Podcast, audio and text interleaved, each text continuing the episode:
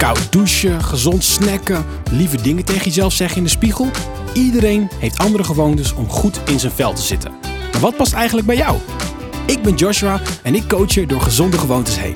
Samen proberen we wat nieuws. Met mijn stem in je oren zet je zo de eerste stap. Vandaag gaan we een ommetje maken zonder telefoon. Even geen prikkels, geen appjes, geen belletjes.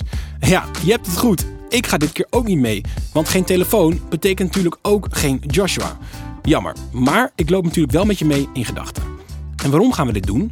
Omdat we het gewoon altijd veel te druk hebben. Rustig, oké? Even lekker ontspannen. En als we terugkomen, gaan we onze bevindingen opschrijven, zodat we onthouden wat de voordelen zijn van zo'n onbereikbaar rondje.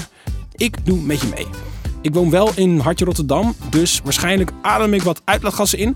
Maar als het goed is, heb ik ook nog een aantal positieve en leuke dingen gezien of gehoord. Oké, ben je er klaar voor? Pauzeer dan de podcast en zet hem weer aan als je terug bent. En er is maar één regel: geen telefoon. Nou, doe je! Hoi, ben ik weer. Hoe was het? Ja, raar hè, zo'n lege broekzak met alleen sleutels. Nou, ik had wel het gevoel dat ik iets vergeten was. Hè. Best raar, maar wel echt lekker rustig.